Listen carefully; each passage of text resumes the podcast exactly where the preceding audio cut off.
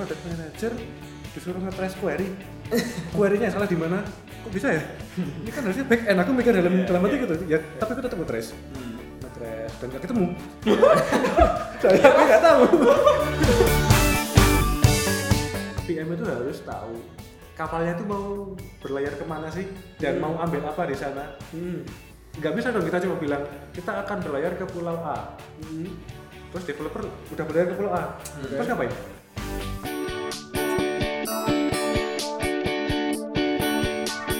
Halo guys, balik lagi bareng gue Rio di podcast Awal Kenal dan juga teman gue.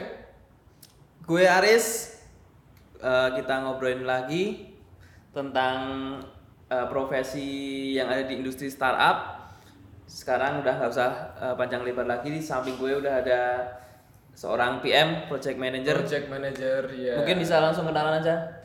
halo halo buat yang belum kenal eh, nama aku Anggi lengkapnya Anggi Akvendo bisa teman-teman cari aja di LinkedIn atau Facebook itu nanti ada nama aku Anggi. Iya, Ya. Oke.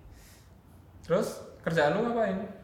kerjaanku ya yang udah kayak dua temanku ini bilang tadi aku project manager di salah satu company swasta di Jogja Oke, benar. Oke, mungkin ada yang belum tahu nih. Sebenarnya project manager itu apa sih? Oke, Dan ah. Ngapain aja sih? Jadi project manager itu ngapain sih? Nah, buat yang belum tahu, project manager itu orang yang menghandle jalannya project dari awal sampai akhir, mulai dari initiation, development sampai product shipping.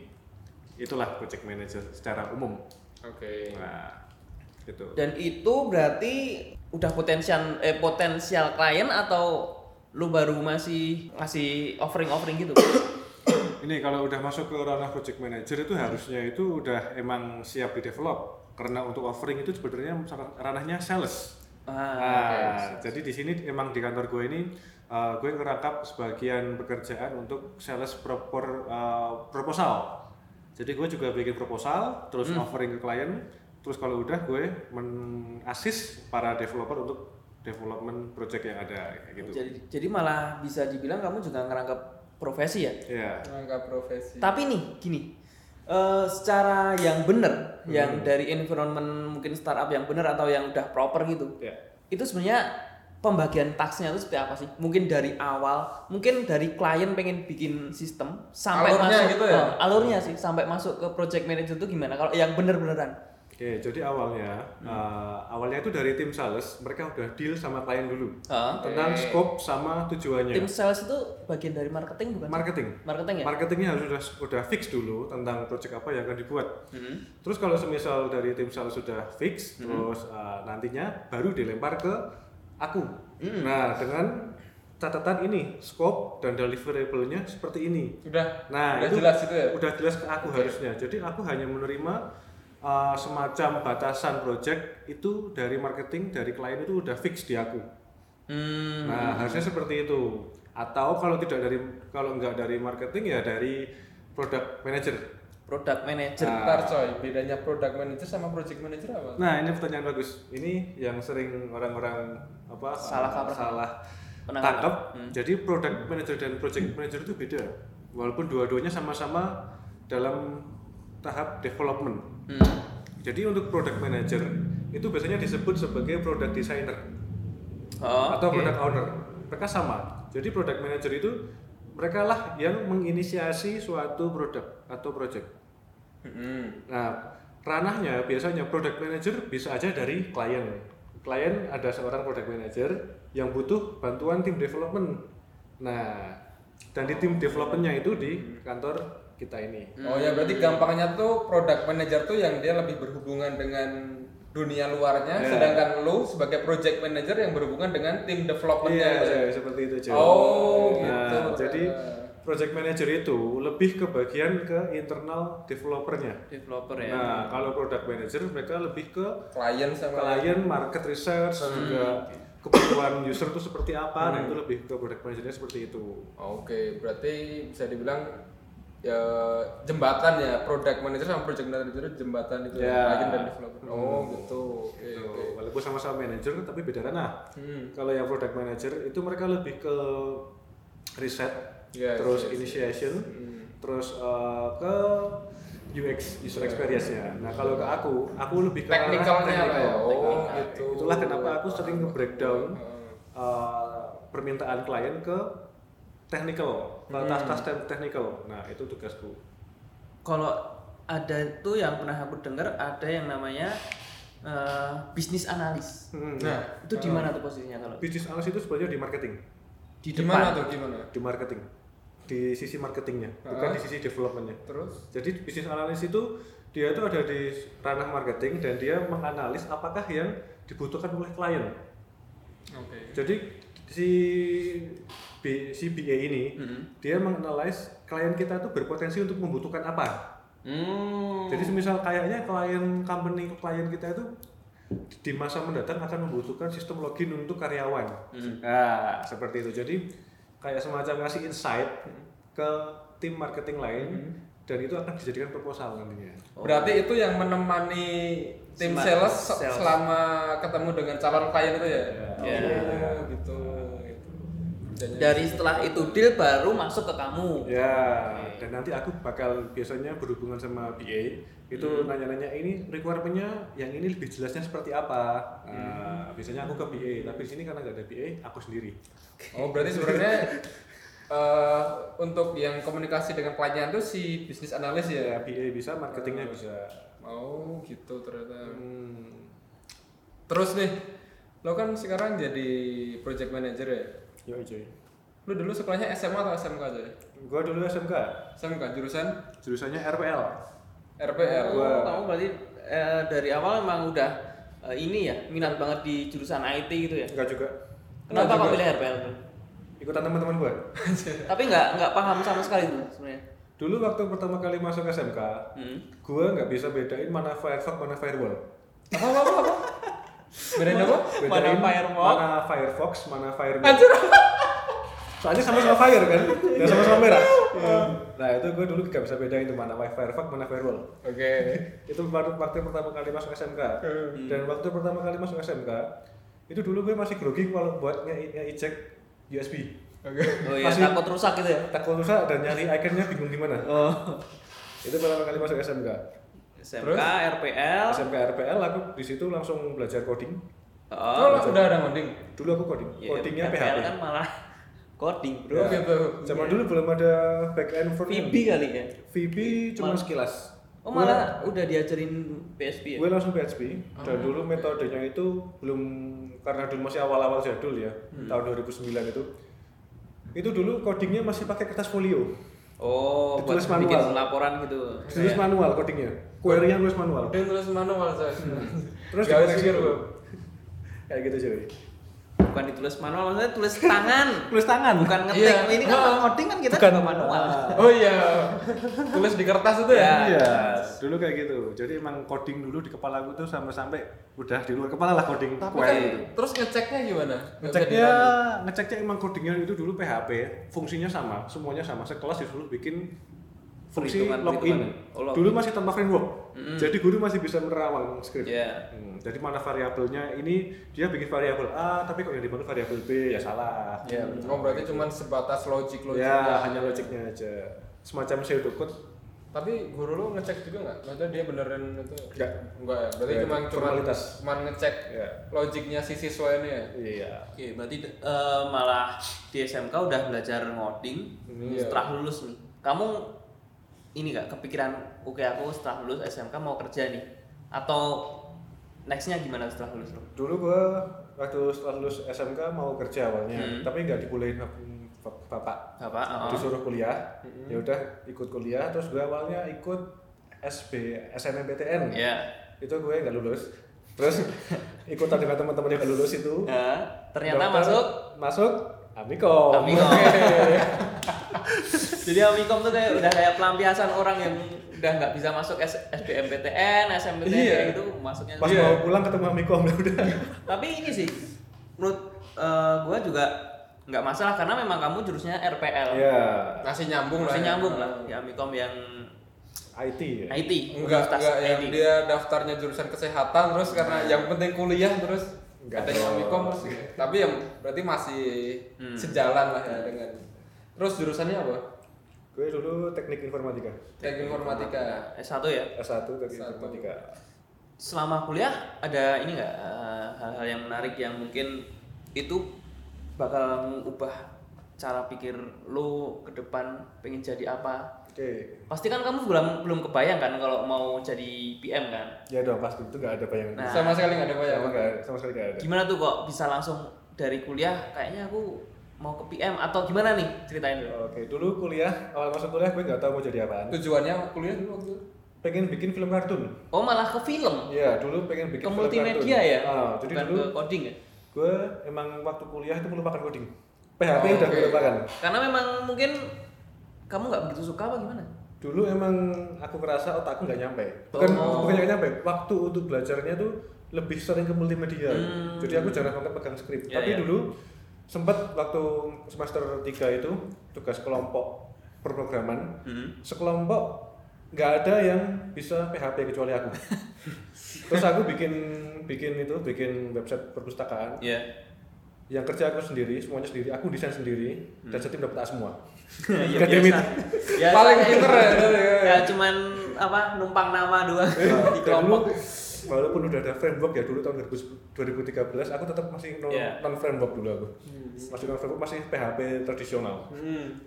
Nah itu dulu aku kayak semacam walah yus lah ini kemampuanku yang dulu gue punya, gue keluarin aja buat Hmm. buat nyumbang skor ke temen-temen. Iya. Nah, terus semester 5 kalau nggak salah itu gue udah menemukan fashion nih, fashion di multimedia. Multimedia, Ya. Nah, benar. nah, dulu. Lu udah nemu tuh. Nah, itu, Nah, sebelum sana lu bisa nemunya tuh Nah. gimana tuh? Kliknya tuh bisa. itu gara-gara gue ikut uh, komunitas kampus. Oke. Das kampus apa tuh sebut aja. Oke, itu namanya Onegai Shelter. Apa? Oh, Onegai Shelter. Onegai. Onegai. Nah, di Onegai itu kan komunitas Jejepangan. Aku dulu suka banget Jejepangan. Oh. Di Onegai itu ternyata ada divisi banyak, ada 3D animation, Hmm. Oh. terus kartun, visual effect, cosplay, terus tipografi, desain. Nah, itu salah satu yang bikin gue tertarik itu visual effect. Nah, itu karena gue waktu itu lihat video di Onegai ada orang buang rokok dan rokoknya meledak. Kayak film Hollywood. Itu ter- itu beneran. Beneran. Dan gue langsung, wih, keren bisa bikin kayak gitu. Oh. Nah, terus aku belajar. Gue pulang pulang itu pulang pulang dari first meeting namanya ya. iya, first Dari pertemuan pertama komunitas, gue langsung tertarik, langsung join Facebooknya, ikut-ikut event. Terus gue belajar dari seniornya itu. Hmm. Dan senior yang jadi guru gue dulu. Kemarin menang Gojek Animation. Wih, mantap. Dan kemarin juga dipanggil ke Jepang buat animationnya juga. Hmm. Dan dia salah satu animator di Battle of Surabaya. Oh, Oke. Yaitu guru gue. Keren ya. Nah, jadi Pak siapa namanya sebetulnya? namanya Irul. Salam dong sama Pak. ini. Hei, Mas Irul sama Mas Bam. Belum. Mas kan bukan Mas, mas, mas semua. Eh, skripsinya gue juga bikin film, bikin film. bikin film juga. Berarti emang skripsinya. lo pas apa? eh, konsentrasi dulu emang di ya di Multimedia. multimedia. media. Ya, Kan tapi ada tiga ya kalau nggak salah. ya? apa apanya? Konsentrasinya kalau TI. Aku nggak tahu. T tapi itu ada tiga dulu, Jadi setahu kan- gua ada program, pro- pemrograman, networking sama sama multimedia. multimedia. ya dan konsentrasi gue networking. Networking, Networking. lo konsentrasi networking tapi Iya. skripsi lo Multimedia. Jadi dulu gue sempat waktu semester 3 sampai semester 6 itu gue konfig mikrotik, konfig switch hub, terus Iya. Cisco, CCNA itu gue dulu kayak gitu Oh, nyeting-nyeting iya. kabel IP address sub submasnya gimana, nah, itu gue suka kayak gitu dulu. Jadi istilahnya hampir semua sesi udah gue jamanin. Ya. Dan kamu lo kan udah nyobain programming, Hmm. networking, Hmm, Multimedia. multimedia. Hmm. Dan ternyata lo tertariknya yang multimedia. multimedia dulu. Tapi paling nggak kamu tahu ya basic-basic. Gue gitu. Oh, udah tahu semua basic. Dan ternyata malah kamu senengnya ke multimedia. Iya. Emang dulu gue check of all trades tapi master of none. apa Check of all trades, master of none. apa tuh Ya bisa semua tapi nggak ada yang mendalam. ya, kayak gitu. itu istilah skill lo nanggung semua kan. Ah. Nah, Oke, setelah itu lo bikin skripsi, multimedia juga, Hmm, lulus nih. lulus cum laude dong hampir kurang kurang 0,01 apa? Gue komplek. serius Yes. berarti Tapi tiga 4 tahun, 4 tahun. 0,49. Anjir. 4 tahun kan. Empat tahun. tepat waktu dong ya God damn it. Setelah lulus terus gimana nih? Oke. Oke, gue harus kerja nih. Waktu lulus emang gue dapat tuntutan buat kerja ya pasti ya kan Iya, karena jelas. gue cowok gue harus kerja. Iya, Lu cowok ya? Ya cuy, mau bukti sih. eh eh, eh. terus gue kerja, awal kali kerja itu gue cari-cari kerjaan. Hmm. Eh, dulu sempat nyari pertama kali itu tapi gue nggak sengaja nolak. Mm-mm. Yang nolak nggak, nggak sengaja nolak. Mm-mm. Apa tuh kerjaan apa? Kerjaan jadi apa? eh, media desainer di salah satu percetakan buku pelajaran di Jogja tuh di Jogja dan gue nggak nggak sengaja nolak waktu itu kok bisa karena gue nggak nggak sengaja ngasih jawaban yang bikin direkturnya nolak. Padahal itu gue udah sampai udah sampai tahap terakhir, udah sampai interview direktur. Piye tuh contohnya gimana tuh? Hmm? Kamu ngasih jawaban apa tuh? Aku jawab, jadi si direktur ini nanya, ini besok kalau kamu jadi ketua tim itu gimana cara bikin motivasi ke anak buahmu? Terus aku bilang, "Ah, kalau saya sih Belum bisa. ngasih. bisa bisa mi- bisa mikirnya malam pak, karena biasa malam dari dulu kalau kalau kerja. Jadi ya anak buah saya tak suruh mikir malam. nah kamu banget nah itu Iya, otomatis kan pikir dua kali kan ya. Ah, Direk- itu gue belum belum tahu dunia kerja sama sekali ya. Ya. Makanya masih pakai jawaban polos gue. jawabannya konyol banget itu loh Polos-polosnya. Oke, Hmm. terus gue ditolak. Tetap cari lagi. Cari. Nah, cari karena ada temen seonegai itu, sekomunitas itu yang daftar game love. Hmm. Ya. Nah, terus gue dapat inspirasi nih, weh, game love. Coba. Hmm. Terus daftar, coba lolos dari QA. Itu perusahaan game ya? Ya, game love Ya. terkenal lah Ya, Belum. barangkali ada yang nggak tahu kan. gamenya banyak di playstore banyak banget. Ya. Nah, dulu pertama kali daftar, gue lang, eh, gue itu dulu awal kali daftar jadi game designer. Gue Game udah designer ya. masukin lamaran tapi nggak Ya. Hmm. ada panggilan. Terus masukin lagi QA, quality assurance, langsung dapat panggilan. ya. Nah, terus gue langsung tes, lolos, masuk game love. mungkin waktu itu Kamu kamu nggak pertimbangin tuh. Ah, IE apa nih? Mm-mm. kamu kan nggak ada kan basic QA gitu. Nah, dulu itu karena gue lagi cari experience ya, why not? berarti walaupun nggak ada nggak ada experience lo ajar aja gitu dan malah keterima iya, ajar aja pokoknya. Tapi kayaknya pasrah gitu sih daripada nggak. iya bener kayaknya itu sih Karena kamu pengennya kan ke desain. Lu pengen ke desain cuman ya udah adanya. daripada ini. nganggur ya udah Iya, udah lah, usah ajar. Keterima ya, alhamdulillah nggak ya nggak. terus Lu kerja di E. QA. Terus jadi E. QA, E, heeh. jadi QA selama awalnya gue junior. Junior. Junior, junior di core team. Hah? Core team. Core Oh, team iya. itu tim core-nya itu junior. Terus ada bukaan nih buat tim CRM. CRM Iya. itu uh, customer Relationship relation management. management. Nah, gue apply masuk deh tim CRM. Jadi awalnya sebagai junior tester di tim core itu 4 bulan Hmm. terus ke CRM. Nah di CRM ini awal awal mula karir gue naik. Nah, Apa itu yang apa itu yang di, bikin Oke. Di CRM ini eh, di game love itu Hmm. umumnya itu butuh setahun untuk jadi untuk naik- untuk promosi.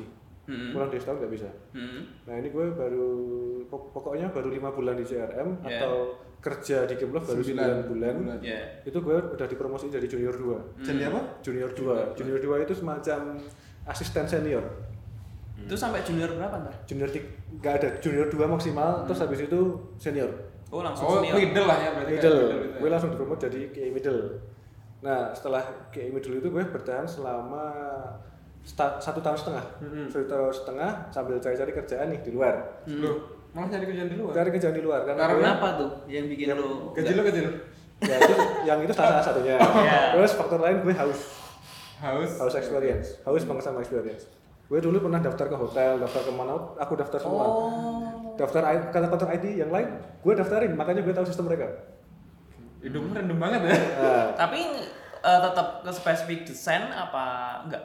ada yang ke GE, ada yang ke GE pernah gue waktu di Game Love itu gue testing di salah satu company di Jogja Selatan jadi GE juga dan gue diterima tapi mohon maaf ditolak yang nolak kamu. gue nolak gue udah di eh, chat WA kalau selamat anda diterima tapi sayangnya gue harus nolak Hmm. soalnya karena salary-nya sama Sebenarnya Nah, sama. jadi enggak- enggak dan dapat lebih jauh. improvement ya. Nah, jadi gue mending mulai.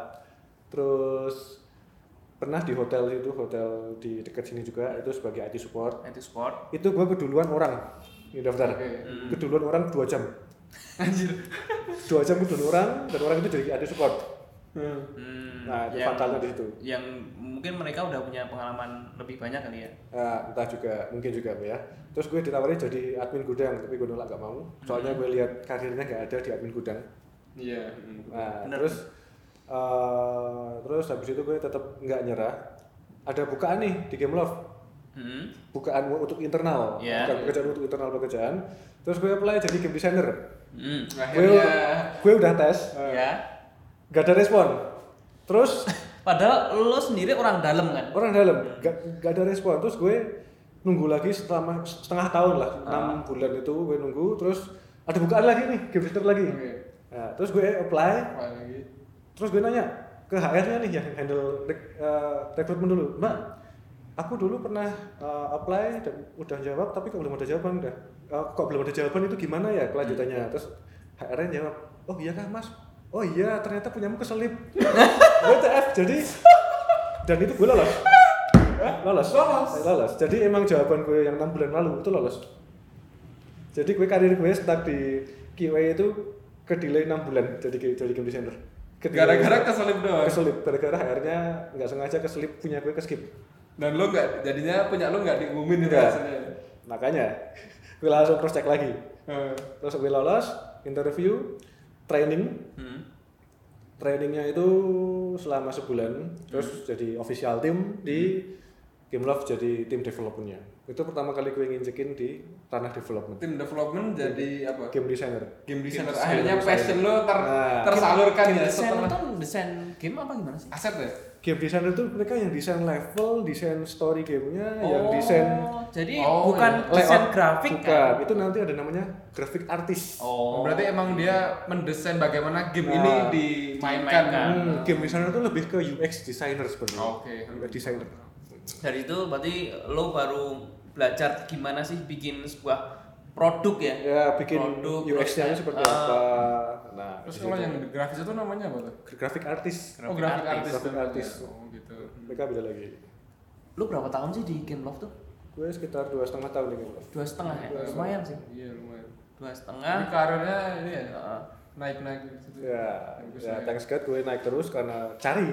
oh karena cari karena cari terus. berarti sebenarnya bukan karena lo berprestasi karena Cari kuat itu nyarinya ya. Nah, aja ya Pokoknya jangan Iya. sampai kendor. persistensi bro Oke, dari situ lo dua setengah tahun Dua setengah tahun kan gue jadi game game designer. designer Nah, dari game designer naik ini- lagi nggak lo? naik lagi. oh naik lagi Nah, gue waktu itu ada Binar Academy di Oh, Jogja, benar, Binar iya, Academy. benar. Itu ada bukaan. Hmm. Bukaan untuk kelas. Nah, gue langsung daftar Hmm, Jadi apa? Kelas apa? Kelas ikut Kelas. jadi siswa. jadi siswa. Nah, gue Hmm. langsung jadi product manager. Daftar product manager, interview, tes, lolos. Hmm. Oh gitu. Jadi emang di Binar itu emang kalau untuk jadi product manager itu ada tesnya sendiri. Ada tes Hmm. dan interview dan gue lolos semua langsung jadi product manager satu tim. itu training kan? Ya, training selama dua bulan. Free. Free, tapi emang masuknya tes dulu. Hmm, Oke. oh, iya. dan gue lolos tes terus gue langsung belajar ba- banyak tentang product designing apa itu uh, product manager gimana cara desain produk dari awal inisiasinya itu seperti apa sih buat bikin produk nah gue belajar banget di situ bikin tim langsung dari binar nih mereka yang ngajarin kita bukan kayak les-lesan tapi ngajarinnya itu Langsung istilah- praktek. istilahnya langsung cemplungin ke laut yang nggak bisa berenang biar tenggelam Mm-mm. yang Ya, bisa bisa. learning by doing gitu ya jadi yang nggak bisa berenang kita bantu berenang Oke. oke kayak bagus gitu Berarti malah di binar lo yang dapat semua ilmunya di binar itu jadi PM yang bener-bener PM lo. Ya, itu gue emang itu pengalaman pertama ya? Iya. itu pengalaman pertama di manajemen. Oh, Manajemen IT project maksudnya. management Ya, IT. untuk manajemen IT-nya pertama kali di situ. Bentar, bentar itu yang di binar itu sebenarnya kamu tuh di build untuk jadi PM tuh untuk PM segala macam atau PM di industri IT doang sih? Jadi, eh, product manager itu applicable di segala industri. Industri semua industri. semuanya, semuanya applicable. Itu kita diajari secara general, bukan secara IT. Harus Hmm. Oh, secara Nah, teknis ya. untuk IT-nya kita yang decide sendiri per timnya itu. Oke. lo belajar di binar ya berarti ya Iya. Untuk project management. terus setelah eh bentar lo kan waktu itu masih kerja di game love kan Hmm. terus Nah, pas di binarnya tuh di binarnya karena malam dibagi tim kan Ya. itu sebenarnya terserah terserah product manajernya sebagai ketua tim untuk Hmm. memanage timnya kapan ketemu kapan kerja terserah nah kalau gue waktu itu emang gue punya satu skill emang Ya. itu skill untuk remote working memanage remote working jadi tim gue itu kerja tanpa ketemu Banyak kan remote ya? remote dan itu gue bisa mengontrol dari scrum mereka tanpa ketemu cukup lewat spreadsheet gue tim bisa lo yang di ngontrol. mana Hmm? tim lo yang di mana tim yang di binar oh yang di binar Gameloft tetap masuk Gameloft daily tetap jalan, ya? daily daily jadi tiap hari itu aku double job di game love ke di game design terus eh, kalau lagi solo ya lihat progress tim gimana gitu. Hmm. nah di situ gue belajar banget eh, tentang back end front end itu Hmm. gue belajar banget jadi nggak cuma developer ya coding gue juga lihat codingan mereka Oke, berarti langsung kamu dibikinin satu tim yang di situ sudah ada semuanya gitu ya. oh udah ada semuanya gitu. Kamu sebagai PM-nya, ya ada berapa orang PM-nya? PM-nya itu sebenarnya ada lima, jadi ada lima tim, masing-masing Hmm. Ada tim lima satu tim. PM. Masing-masing tim Satu. satu, PM. Satu. Berarti kamu PM-nya sendirian dalam satu tim itu. Iya sendirian. Di situ ada apa aja tuh? Ada front end, Hmm. back end, designer, terus Android. Itu semua junior semua tuh. Junior semua. Junior Belum ada yang senior. Oke, Dan itu bikin apa tuh? Kalau di timku dulu, dulu bikin nama aplikasi Hmm. untuk pelukis lokal Jogja Apps-nya jadi, nggak ada Apps-nya kendala jadi, dan lo Itu aplikasi ya? bentuknya. aplikasi. Kalau kendala banyak cuy. waktu kendala itu. banyak. Lah, Berarti di situ lo malah belajar kalau Iya. ada kendala kayak gini, lo tanyain ke mentor lo kan di binar itu kan. Eh, kalau dulu gue, ya tapi gue jarang banget nanya mentor. Karena terkait kendala karena kebanyakan gue solve internally Hmm. sama sama internal tim. oh, sama internal dulu- dulu gitu ya. Kalau misalnya gue sampai ke mentor itu udah parah banget. Hmm, hmm. gitu. Jadi Tapi emang basicnya udah diajarin kan di awal. basicnya udah Itu lu sel- berapa hari tuh diajarin basicnya terus dibikinin tim itu? diajarin basicnya itu selama seminggu. Seminggu. Dan timnya itu udah dibentuk dari awal. Oh. Jadi kita udah kenalan duluan. Jadi udah jadi si PM ini terserah mau bikin jadwal kapan kenalan terserah sama timnya. Itu bener-bener terserah kita. Jadi bener-bener kita kayak kerja beneran kita yang initiate. Kalau PM-nya nggak gerak ya timnya nggak bakal ketemu. Oke. Nah, kayak Tapi gitu. seminggu itu bener diajarin Bener. basicnya itu. Baru setelah selesai basic technical dibikinin tim. ya baru bikinin tim terus yang product manager dikasih kelas untuk eh, apa development management Iya. terus yang developer fokus ke technical yang awalnya cuman logic logic logic logic sekarang lebih ke misalnya Practical. practical untuk apa gitu Oke. Kalau lu sendiri setelah terjun ke PM, Kak, lu kan udah belajar PM Hmm. tentang ilmu PM nih. Lu ngerasa nggak langsung, wah kayaknya aku bisa nih, bener-bener kayak eh, ini bisa jadi profesi yang beneran nih. Ngerasa?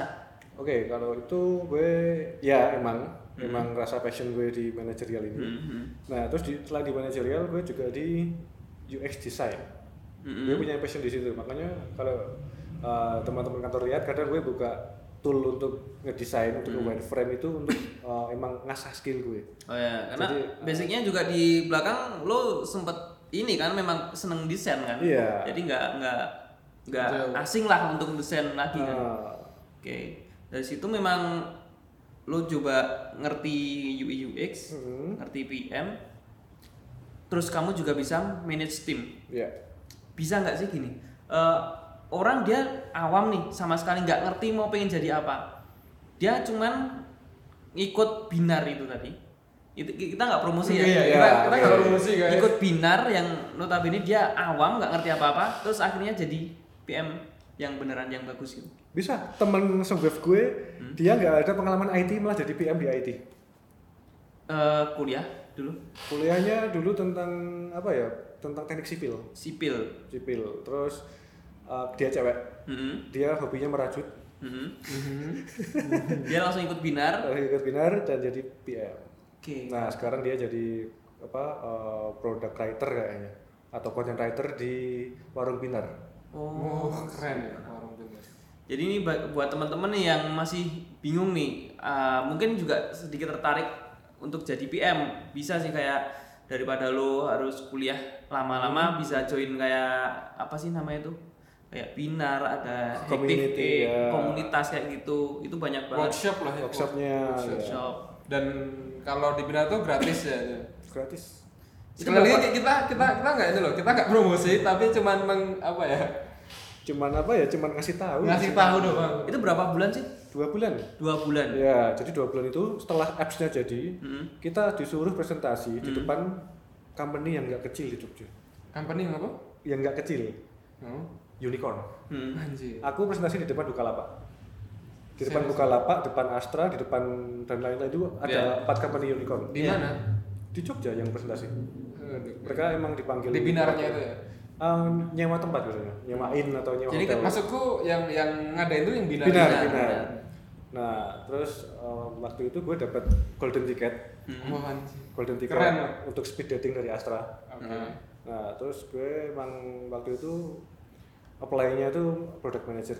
Mm-mm. Nah, product manager gue tungguin kabarnya tiga bulan baru ada kabar lagi terus Itu gue lu masih join di game lo kan? masih Masih. ah. heeh. masih jadi masih ke- jadi game designer Hmm. gue masih jadi game designer gue sambil interview Hmm. tes tes ke Astra lolos technical lolos interview sama direktur sama kepala kepala juga lolos Hmm. akhirnya gue diangkat ke Jakarta Mhm. di apa ditarik sama Astra ke Jakarta gue Ah. resign dari Game Love Oh, Oke, jadi setelah lu bener-bener bener diterima baru baru, resign. resign Smart. ya dong. Nah itu dan itu gue emang waktu resign Hmm. kayak emang kayak masih di Terpaksa. kayak dipegang Oh, oh, HR. nggak boleh. Ah, ya tapi ya mau gimana lagi karena Iya. udah mau resign gitu kan. Ya mau nggak mau gue emang harus goodbye my old company. Mungkin karena kamu udah lama juga ya. Ah, terus gue ke Jakarta Hmm. di Astra di Jakarta Selatan lebih tepatnya tapi Astra mana gak gue sebutin ya. Ya. Oke. Nah, di situ gue ah, kayak kaget dengan environmentnya. Karena Ya, yang pertama gue pikiran gue gue itu apply sebagai product manager, tapi Mm-hmm. di sana gue dijadiin bisnis sistem analis. bisnis analis itu yang tadi ke apa Bisnis klien itu ya. bisnis sistem analis. Mhm. Jadi kalau di dunia itu tuh ada BA, ada SA. Mm-hmm. BA itu bisnis analis, SA itu sistem analis. Sebenarnya itu dua hal yang beda. Iya. Ya. Nah, tapi di Asta digabungin. Hmm. Nah, di company itu gue eh, emang langsung diterjunin ke project dan waktu itu langsung disuruh ke database eh, disuruh ngoprek database dan gue nggak tahu sama sekali gue belum sempat mapping belum sempat Yeah. ngetrace ini data parameter dapat dari mana ini di tabel lain nggak Yeah. tahu sama sekali nah itu gue langsung frustasi frustasi Oracle itu pasti. Oracle frustasi Company banget gede jadi nggak tahu gimana kok bisa ini bukan ranahku Ya. Hmm. sebenarnya bisa tapi emang aku nggak Harus bukan belajar passion. lagi kan? Ah. Apply-nya apa, dapatnya apa gitu. ya dan ini bukan passionku Dan lu malah ke teknikal banget kan? hmm, technical banget Padahal lo pengennya yang ke Manajerial. Ah, dan itu gue langsung kaget terus langsung cari-cari company dan dapatlah company sini Itu berapa bulan kamu? dua bulan Profession aja belum selesai. Dan dua bulan di Astra doang, cuman nggak nyobain doang. ya cuman cuman kag- cuman sempet kaget terus Oh, marah. Oke, oke. Dibela-belain lo bro, dia Iya, dua setengah tahun di Game Love, resign buat di Astra ya cuma dua bulan Tapi doang. lu dari game Love ke Astra itu ngerasa lebih better nggak sih? Atau malah mundur. kalau untuk salary ya Salary jelas ya. Berarti parameternya pertama Iya. salary, teman kerjaan masih nggak tahu nih mau ngapain ntar di sana gitu ya. Secara ilmu Eh, Iya. secara ilmu aku juga Zone. mikirnya itu jadi product manager product manager di sana eh, Ternyata malah nggak Nah, better. sejak, sejak hari pertama tuh gue udah ngerasa ganjil nih. Soalnya teman-teman gue yang seprofesi, yang Iya. sejabatan, Heeh. gue tanyain ini kok kok nggak tahu. lah serius. Nah, Jadi ngerasa lu malah kemunduran kali di. Jadi Oh. nggak lu Bukan kemunduran sih. bikin semangat. dibelokin. Jadi emang Iya. gue jelasin ini ini nih, mereka kok kayak kagum gitu. Hmm, kok nggak ngerti. Heeh, Duh, ada apa ini? Nah, temen lu yang apa tuh? Teman Yang di bis- Astra. sama-sama sama-sama bisnis sistem analis. Sama-sama Ah, bisnis. nah, Hmm? Itu yang baru. A- eh, maksudnya teman yang, baru masuk atau Yang udah lama. Udah lama. oh. mereka juga kagum sama sistem kayak gitu gitu. Hmm. Waduh, Jadi ya? selama ini mereka ngapain? Eh, kok, kok mereka kagum ya? terus, nah terus waktu itu waktu gue ke ruangan developer, Hmm. gue kaget. Jrek. Gi, ini tolong ini ya di trust ini ini. Eh, ini apa ya mas? Eh, Lu, lu, lu suruh ngetres code Langsung, gitu. langsung ke Tresco disuruh Database itu ya. disuruh lihat sistemnya gimana. Ini aja gimana? aku aku no idea mas. ya lu lihat aja dulu lah. Eh? gue langsung langsung ada targetnya besar. Kok Ini product, kok gimana sih? product manager Suruh kayak gini kan.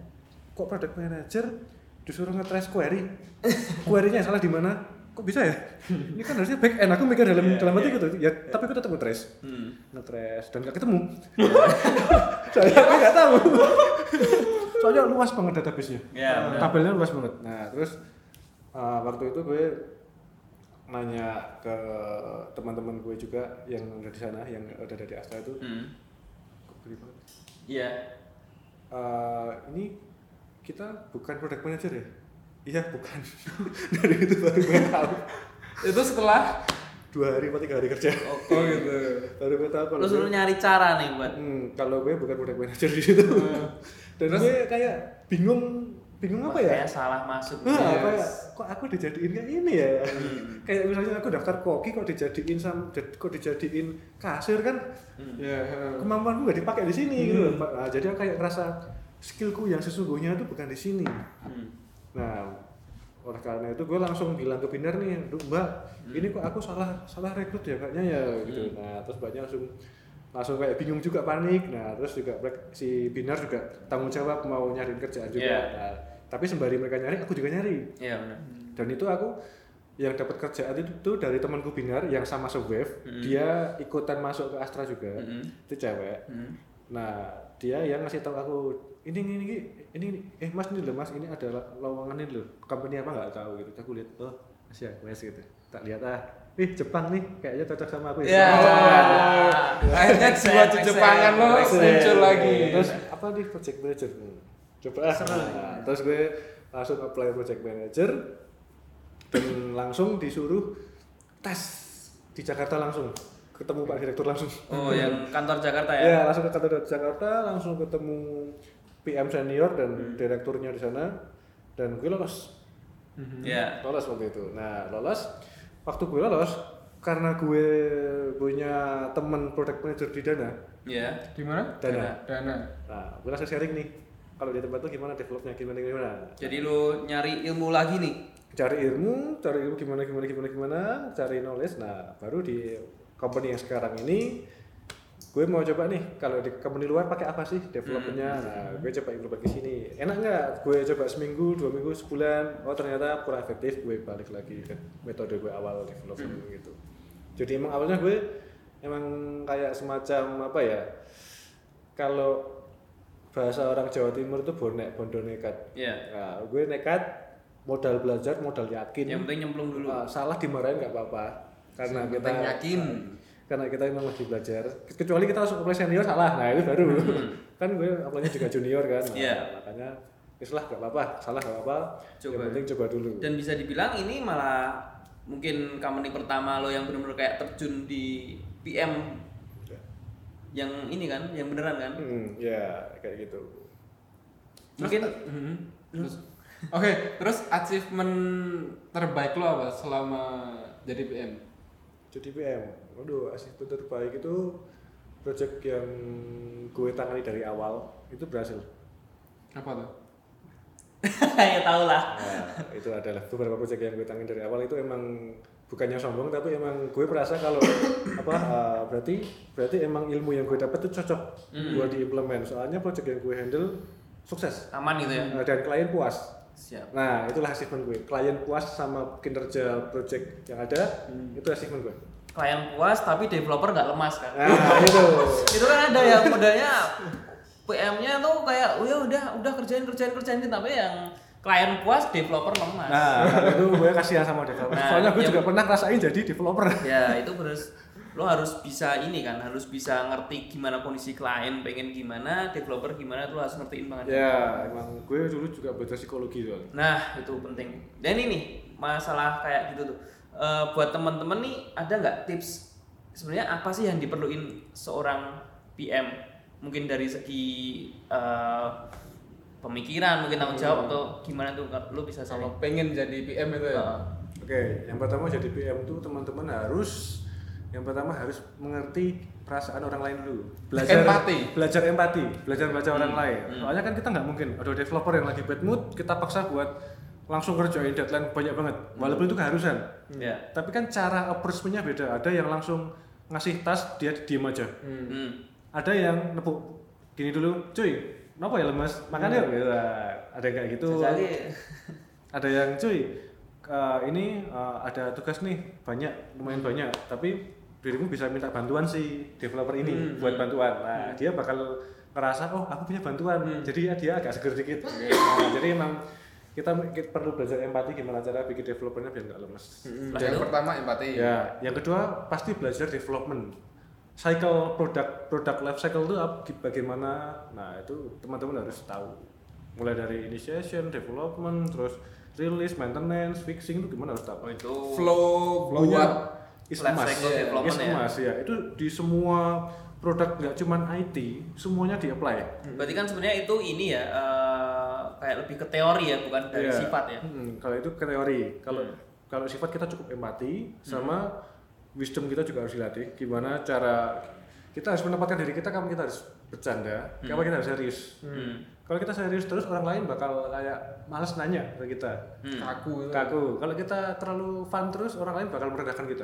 Benar, nah, jadi kita biar biar developer kita nganggap kita fun tapi nggak merendahin kita ya juga kita harus kayak ngebuktiin kalau kinerja kita tuh juga mumpuni sama tingkah laku kita kita fun sering ketawa tapi kerjaan kita beres semua semuanya kehandle dengan baik nah itu otomatis orang lain akan oh dia kerjanya baik juga mereka segan ke kita Hmm, Kayak gitu Yang ketiga, Nah, ketika itu eh, kita har- at least untuk menjadi seorang project manager itu harus tahu kayak aku tadi eh, bukan check of all trades tapi tahu kulit tahu kulit dari masing-masing divisi yang ada di projectnya itu entah front end entah back end desain harus tahu kulitnya dulu soalnya kalau nggak tahu kulit itu nggak akan dia kalau protes pasti semisal PM-nya protes ini kok desainnya seperti ini ini kok loginya harus kayak gini nah itu dia nggak tahu sistemnya nanti akan asal apa ya asal marah gitu kan sama marah nah tapi kalau udah tahu sistem udah tahu kulitnya oh iya ini emang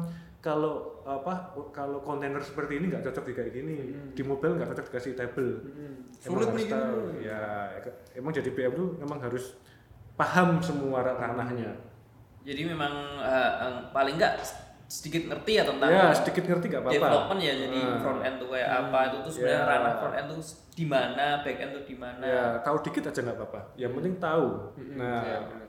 tapi kalau ada ilmu yang dalam is okay Hmm. aku juga belajar dari developer misalnya aku nggak tahu aku nanya makanya aku tahu Hmm. biasanya nah kayak gitu next apa lagi apalagi ya buat jadi PM itu eh, time management time management Hmm, Hmm. time management itu wajib banget itu kapan kita harus rilis kapan kita harus ngehold kapan kita harus tahu handover ke klien dulu Hmm. kita harus tahu kalau enggak itu nanti project biasanya akan keteteran berarti yang bikin timeline eh, project development tuh lu juga. ya? kalau dari klien nggak ada bayangan dari Ah, oke. Hmm. dan kalau misalnya dari klien ada timeline itu biasanya mentah mereka cuma pengen live tanggal segini Ya. Dah. Oh, tapi terus kan, lu yang nge-breakdown kan belum di sendiri. breakdown Ya, Nah, yang breakdown PM-nya dan PM itu juga harus tahu kerjaan PM itu apa aja skillnya entah dalam segi kalimat ke- PM itu harus punya uh, susunan kalimat yang benar dan mudah dimengerti itu gunanya untuk task breakdown Hmm. Itulah kenapa kalau kadang eh, aku dikira perlu waktu untuk task breakdown. Soalnya di situ aku nulis nulisnya itu harus yang developer ngerti kadang. ya Nah, itulah emang harus eh, apa ya dari segi visual, segi perilaku juga PM harus bisa menjaga image-nya dia, menjaga biar nggak out of scope, biar nggak keluar batasnya dia gitu loh. berarti komunikasi penting juga dong Sangat penting komunikasi penting. Jadi Hmm. Vital ya kalau ya, gitu. PM itu biasanya orangnya kalau yang di luar itu eh, mereka biasanya serius, Hmm. detail oriented. Nah, tapi ada juga PM yang eh, yang fun, Santai. ya santai gitu.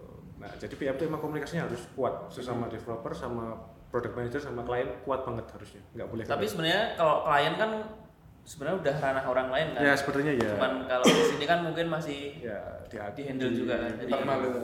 Tapi ya emang kalau manajerial tuh emang komunikasi komunikasi ya yang harus ininya. penting ya. Gi- Ya gimana developer bisa jalan kalau nggak dikasih komunikasi? Iya. Iya. Nah.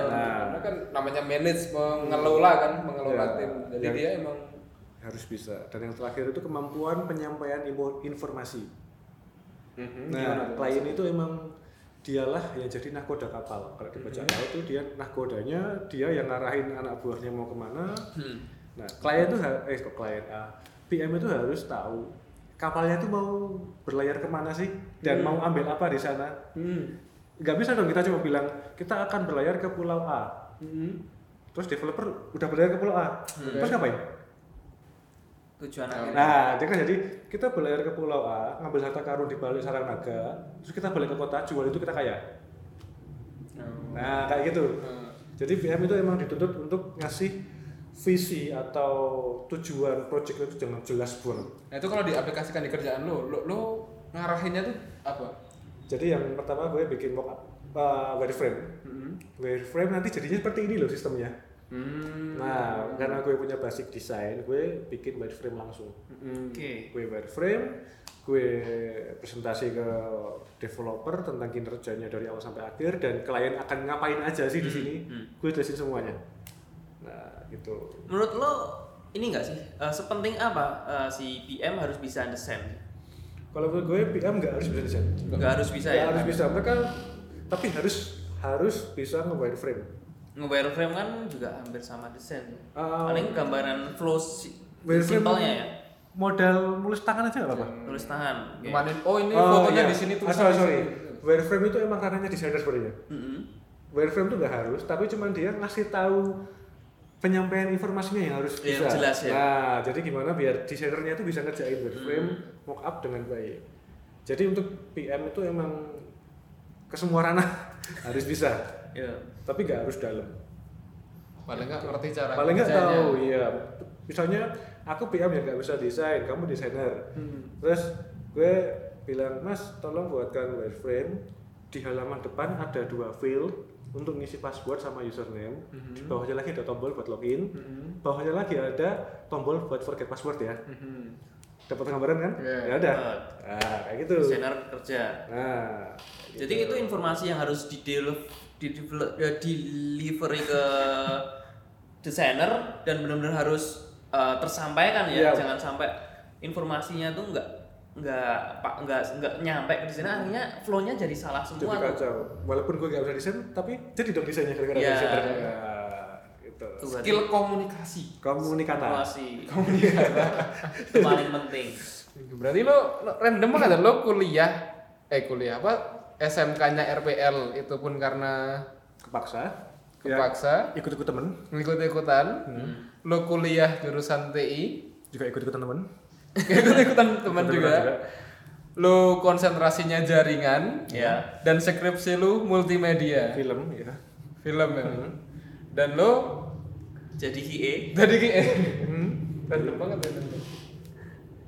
tapi gara-gara itu gue jadi Jack of all trades Iya. yeah. Master of None ya. Tapi sekarang lo ngerasa ini gue banget nih kerjaan gue kayaknya nyaman banget di sini. Eh, kalau aman nggak Kenapa tuh? gue masih haus Eh, pengen pengen jadi apa lagi nih setelah PM nih kalau bisa di luar negeri sih luar negeri di ya luar negeri gue malah Iya. Di bukan Jepang Hmm. gitu. Eh, entah manapun itu kalau gue ada kesempatan jadi PM jadi PM tapi kalau enggak gue punya skill data scientist hmm. Serius lo. Nah, itu- Sejak kapan lo belajar dari bahasa Inggris? sejak tadi sore Anjir. itu gue masih buka Python di laptop makanya dari sekarang gue belajar Python terus biar eks- bisa lah at least bisa bisa data analis dulu Iya benar. Emang Tapi emang data scientist tuh ini bro, lagi hot hot banget tuh. Soalnya kan sekarang emang eranya big data ya. kan? ya hmm, sebenarnya gue udah belajar data analis Udah lama sejak setahun tapi belum bisa bisa karena waktu untuk belajar juga keganggu yang lain nah makanya gue sempat vakum vakum vakum nah ini mulai coba lagi ah Tapi gue dulu juga pernah tuh belajar itu, pakai R gitu. R nah gue kemarin juga pakai R Terus juga pakai apa Anaconda gitu. Anaconda kan. terus Python. navigatornya gue pakai belut kemarin Anjir. enak cuy cuman Goreng kalau tuh. sebenarnya semua kalau mau pengen belajar dan Bisa. dia enjoy bisa ya sangat bisa sekali tapi aku sendiri juga ngerasa gini sih kayaknya aku nggak cocok walaupun aku eh, di sini programmer ya Hmm. untuk jadi PM mungkin aku tuh nggak nggak cocok nggak mau malah kayak aku nggak nggak seneng Hmm. Nggak- sih kerjaan nggak di gue sini. banget itu ya? nggak gue banget aku mending daripada jadi PM aku mending lo suruh aja lo ngoding gue ngoding itu kayak ya udah aku jadi passionnya ngoding gitu Hmm. loh Iya. kalau untuk mungkin harus jadi PM, harus ngurusin klien, harus ngurusin task, manajemen waktunya harus bagus itu kadang aku juga mikir "Wah, kayaknya aku belum bisa deh. Dan mungkin males juga kan. Aku karena memang bukan tipe orang yang sering berbelit-belit di awal sama orang gitu loh. Yang jelas kalau udah aku harus tahu kerjain apa, aku ngerjain. Tapi lo emang pernah jadi PM? gitu? Enggak sih. Jadi aku kalau mikir gini, kalau aku ada di posisi PM, kira-kira aku bisa nggak ya? Aku Oh. kadang menempatin kayak gitu sih. Cuman kayaknya nggak bisa sih. Belum siap aja sih. Iya. Karena memang sebenarnya eh, ranahnya programmer kan ada setelah Lebih programmer kan Technical. gitu. nanti kalau naik ke tahap berikutnya kan bisa jadi PM kayak gitu. Hmm. Itu kayak aku belum siap tuh, gitu. Mungkin kan dari flow-nya itu wah kayaknya aku cocoknya tetap ke programmer sih. CTO lah ya. Ya, Ya, tertingginya, CTO bisa. tertingginya CTO. Tapi nggak nggak yang ngurusin time management, klien, apalagi recruitment, seperti apa nggak nggak seperti itu. Ada pertanyaan lagi? pertanyaan presentasi cuy sekian dari drama kami belum belum sih aku Belum, pengen belum. ini sih ah, yang masih jadi problematika orang sekarang begitu ada project hmm? dan mungkin dari kalangan freelancer ya atau eh, individu itu yang masih bingung itu menem- nentuin project ini mau gue hargain berapa sih Hmm.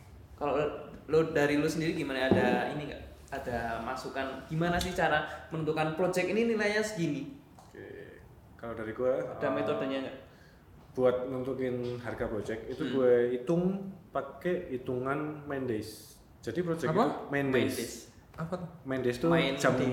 jam kerja Main. Oh. Ya, jam kerja kita tuh berapa berapa hari sih buat ngerjain dan harga per harinya developer tuh berapa sih Hmm. misalnya kita pakai uh, UMR Jogja nih nah jadi per harinya mungkin bisa bisa satu developer per harinya dibayar 500.000 ribu misalnya proyeknya perlu 10 hari berarti proyeknya harganya 5 juta untuk bayar devnya aja tapi untuk bayar PM-nya berapa ya nah biayanya misalnya PM-nya sama juga 500 gitu 500 ribu kali dua berarti dikaliin 10 nah berarti costnya 10 juta itu belum termasuk untuk dokumentasi belum termasuk Iya. untuk nah itu gue kayak gitu Mendes Itu tetap ngitung rate Tetep. si developer kita print jadi kita bisa nyesuaiin misalnya eh, ini skopnya gede banget nih Hmm.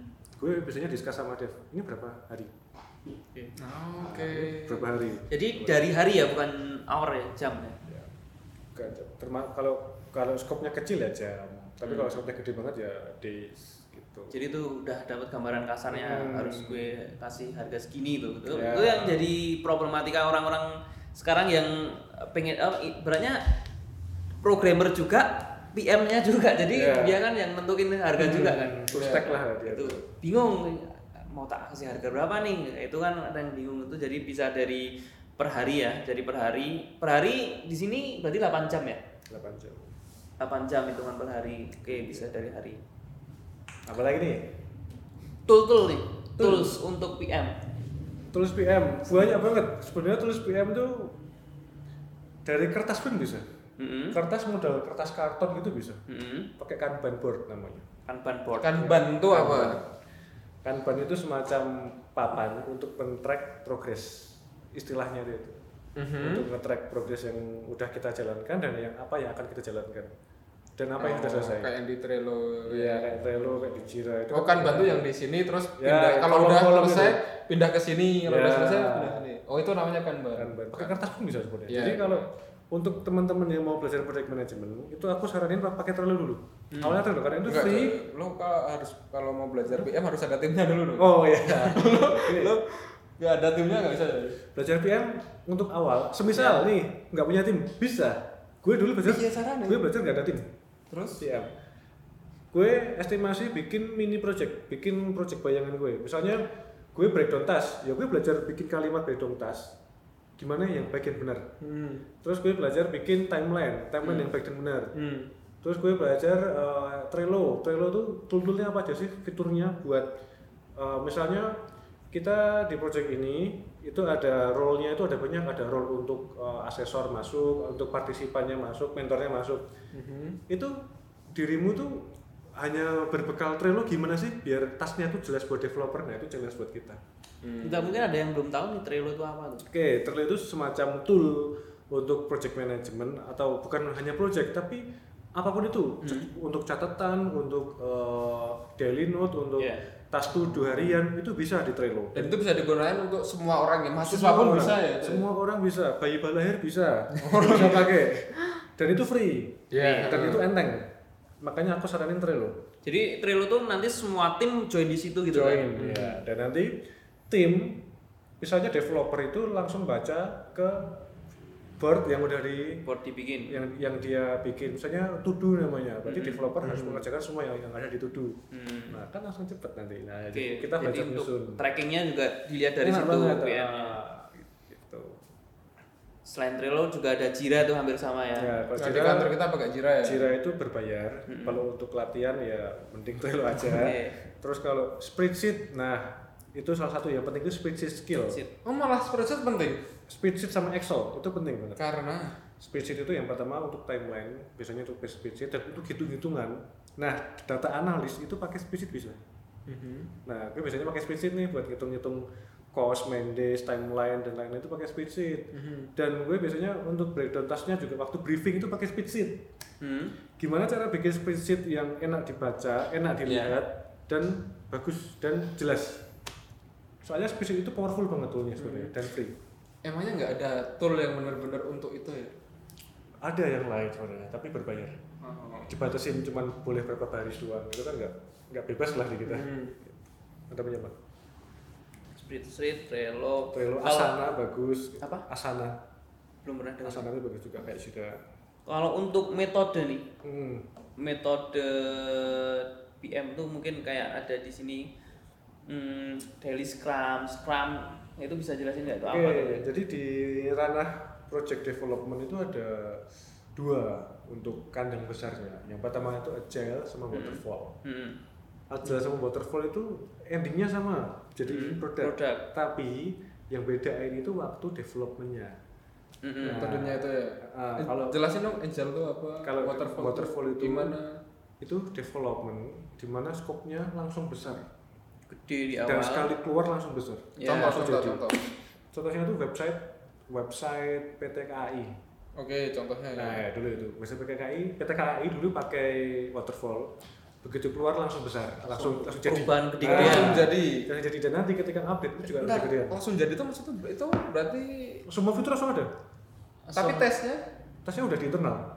oh internal. Jadi Internal. user begitu ngakses langsung, Langsung semua. sudah jadi. Itu udah Nah, komplit itu banget. waterfall. Oh, oke. Nah, kalau agile itu kecil-kecil. Jadi kita semacam Gojek.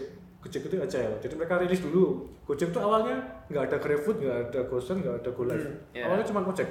Grab ride ya. Ya, cu- awalnya cuma Grab, eh, cuma Go Eh, Ride, oh, cuma, Go Ride, cuma, Go cuma Go Ride, Nggak Gurat ada doang. GoFood. Gurat. Intinya cuma user biar bisa pesen Gojek dah itu doang intinya. Jadi awalnya mereka dia cuma Go Ride. Wah, ini bagus penggunanya. Terus mereka riset, tambahin lagi fitur GoFood. Coba berhasil nggak? Oh berhasil. Tambah lagi fitur Go Live. Jadi aja itu seperti kecil-kecil rilis, kita lihat feedbacknya, kita ubah requirement-nya, dan kita keluarkan bentuk yang baru Untuk baru Hmm. dan- sambil dan itu pun ngembangin kecil-kecil. yang lain. Iya, jadi kita emang untuk agile itu costnya juga nggak segede waterfall untuk untuk Hmm. li- rilisnya kecil-kecil gitu bisa. Dan kalau di waterfall itu biasanya kalau satu tim udah dedicated ya timnya itu terus sampai akhir. Berarti lebih enak emang kayak agile lah sebenarnya. Em, itu terserah tergantung kebutuhan timnya, ter- kebutuhan project. Ada suatu project itu sebenarnya waterfall sekali rilis besar, Hmm. tapi di dalam waktu dia development waterfall itu itu ada ajal kecil-kecil Hmm. itu juga bisa Gabungan berarti. ya pokoknya eh, metodologi development itu da- jangan dijadikan acuan yang kaku itu Ya. hanya bantuan kita aja untuk Hmm. membantu kita gitu Yang penting hasil akhirnya ya. Nah, itu kan cuma framework untuk Iya, membantu aja membantu. Metodenya itu. Oke, menarik sekali nih pembincangan tentang project manager dan di dalamnya nih kita udah bincang-bincang sekitar lebih dari Satu sejam. Oh, udah sejam ternyata coy. Eh, khotbah kita Lama sih juga ternyata kirain baru 30-an menit coy. Udah sejam. Udah gitu dulu guys. Eh, hari ini kita ngobrol sama seorang project manager. Ya, yang ada di sebuah company startup. Hmm. Semoga dapat menginspirasi, dapat diambil ilmunya. Dan kalau kamu rasa bermanfaat, bantu buat di-share ke teman-temanmu biar mereka bisa tahu gimana sih caranya jadi project manager. itu. Nah, apalagi mungkin kamu tertarik jadi PM atau teman lo begitu lo share, teman Iya. lo juga tertarik kan Mas- Kalau mau kontak lo bisa nggak? oh bisa banget Di apa? Lu biasanya aktifnya di mana? di LinkedIn aktif Facebook aktif Oke. Ntar eh, apa sebutin? Link ini apa? Anggi Akvendo Anggi Advendo Ya, Iya, di itu- sama Facebook. sama Anggi Akvendo Akvendo Oke, juga, ya. search aja add aja nggak apa-apa Oke nanti kalau teman-teman mau chat bisa langsung ngobrol langsung dia. Oke, kita tutup sekian Tutup. aja. Ketemu di episode berikutnya sama eh, orang-orang keren lainnya. Keren ya orang-orang. Sekian, Salam kenal.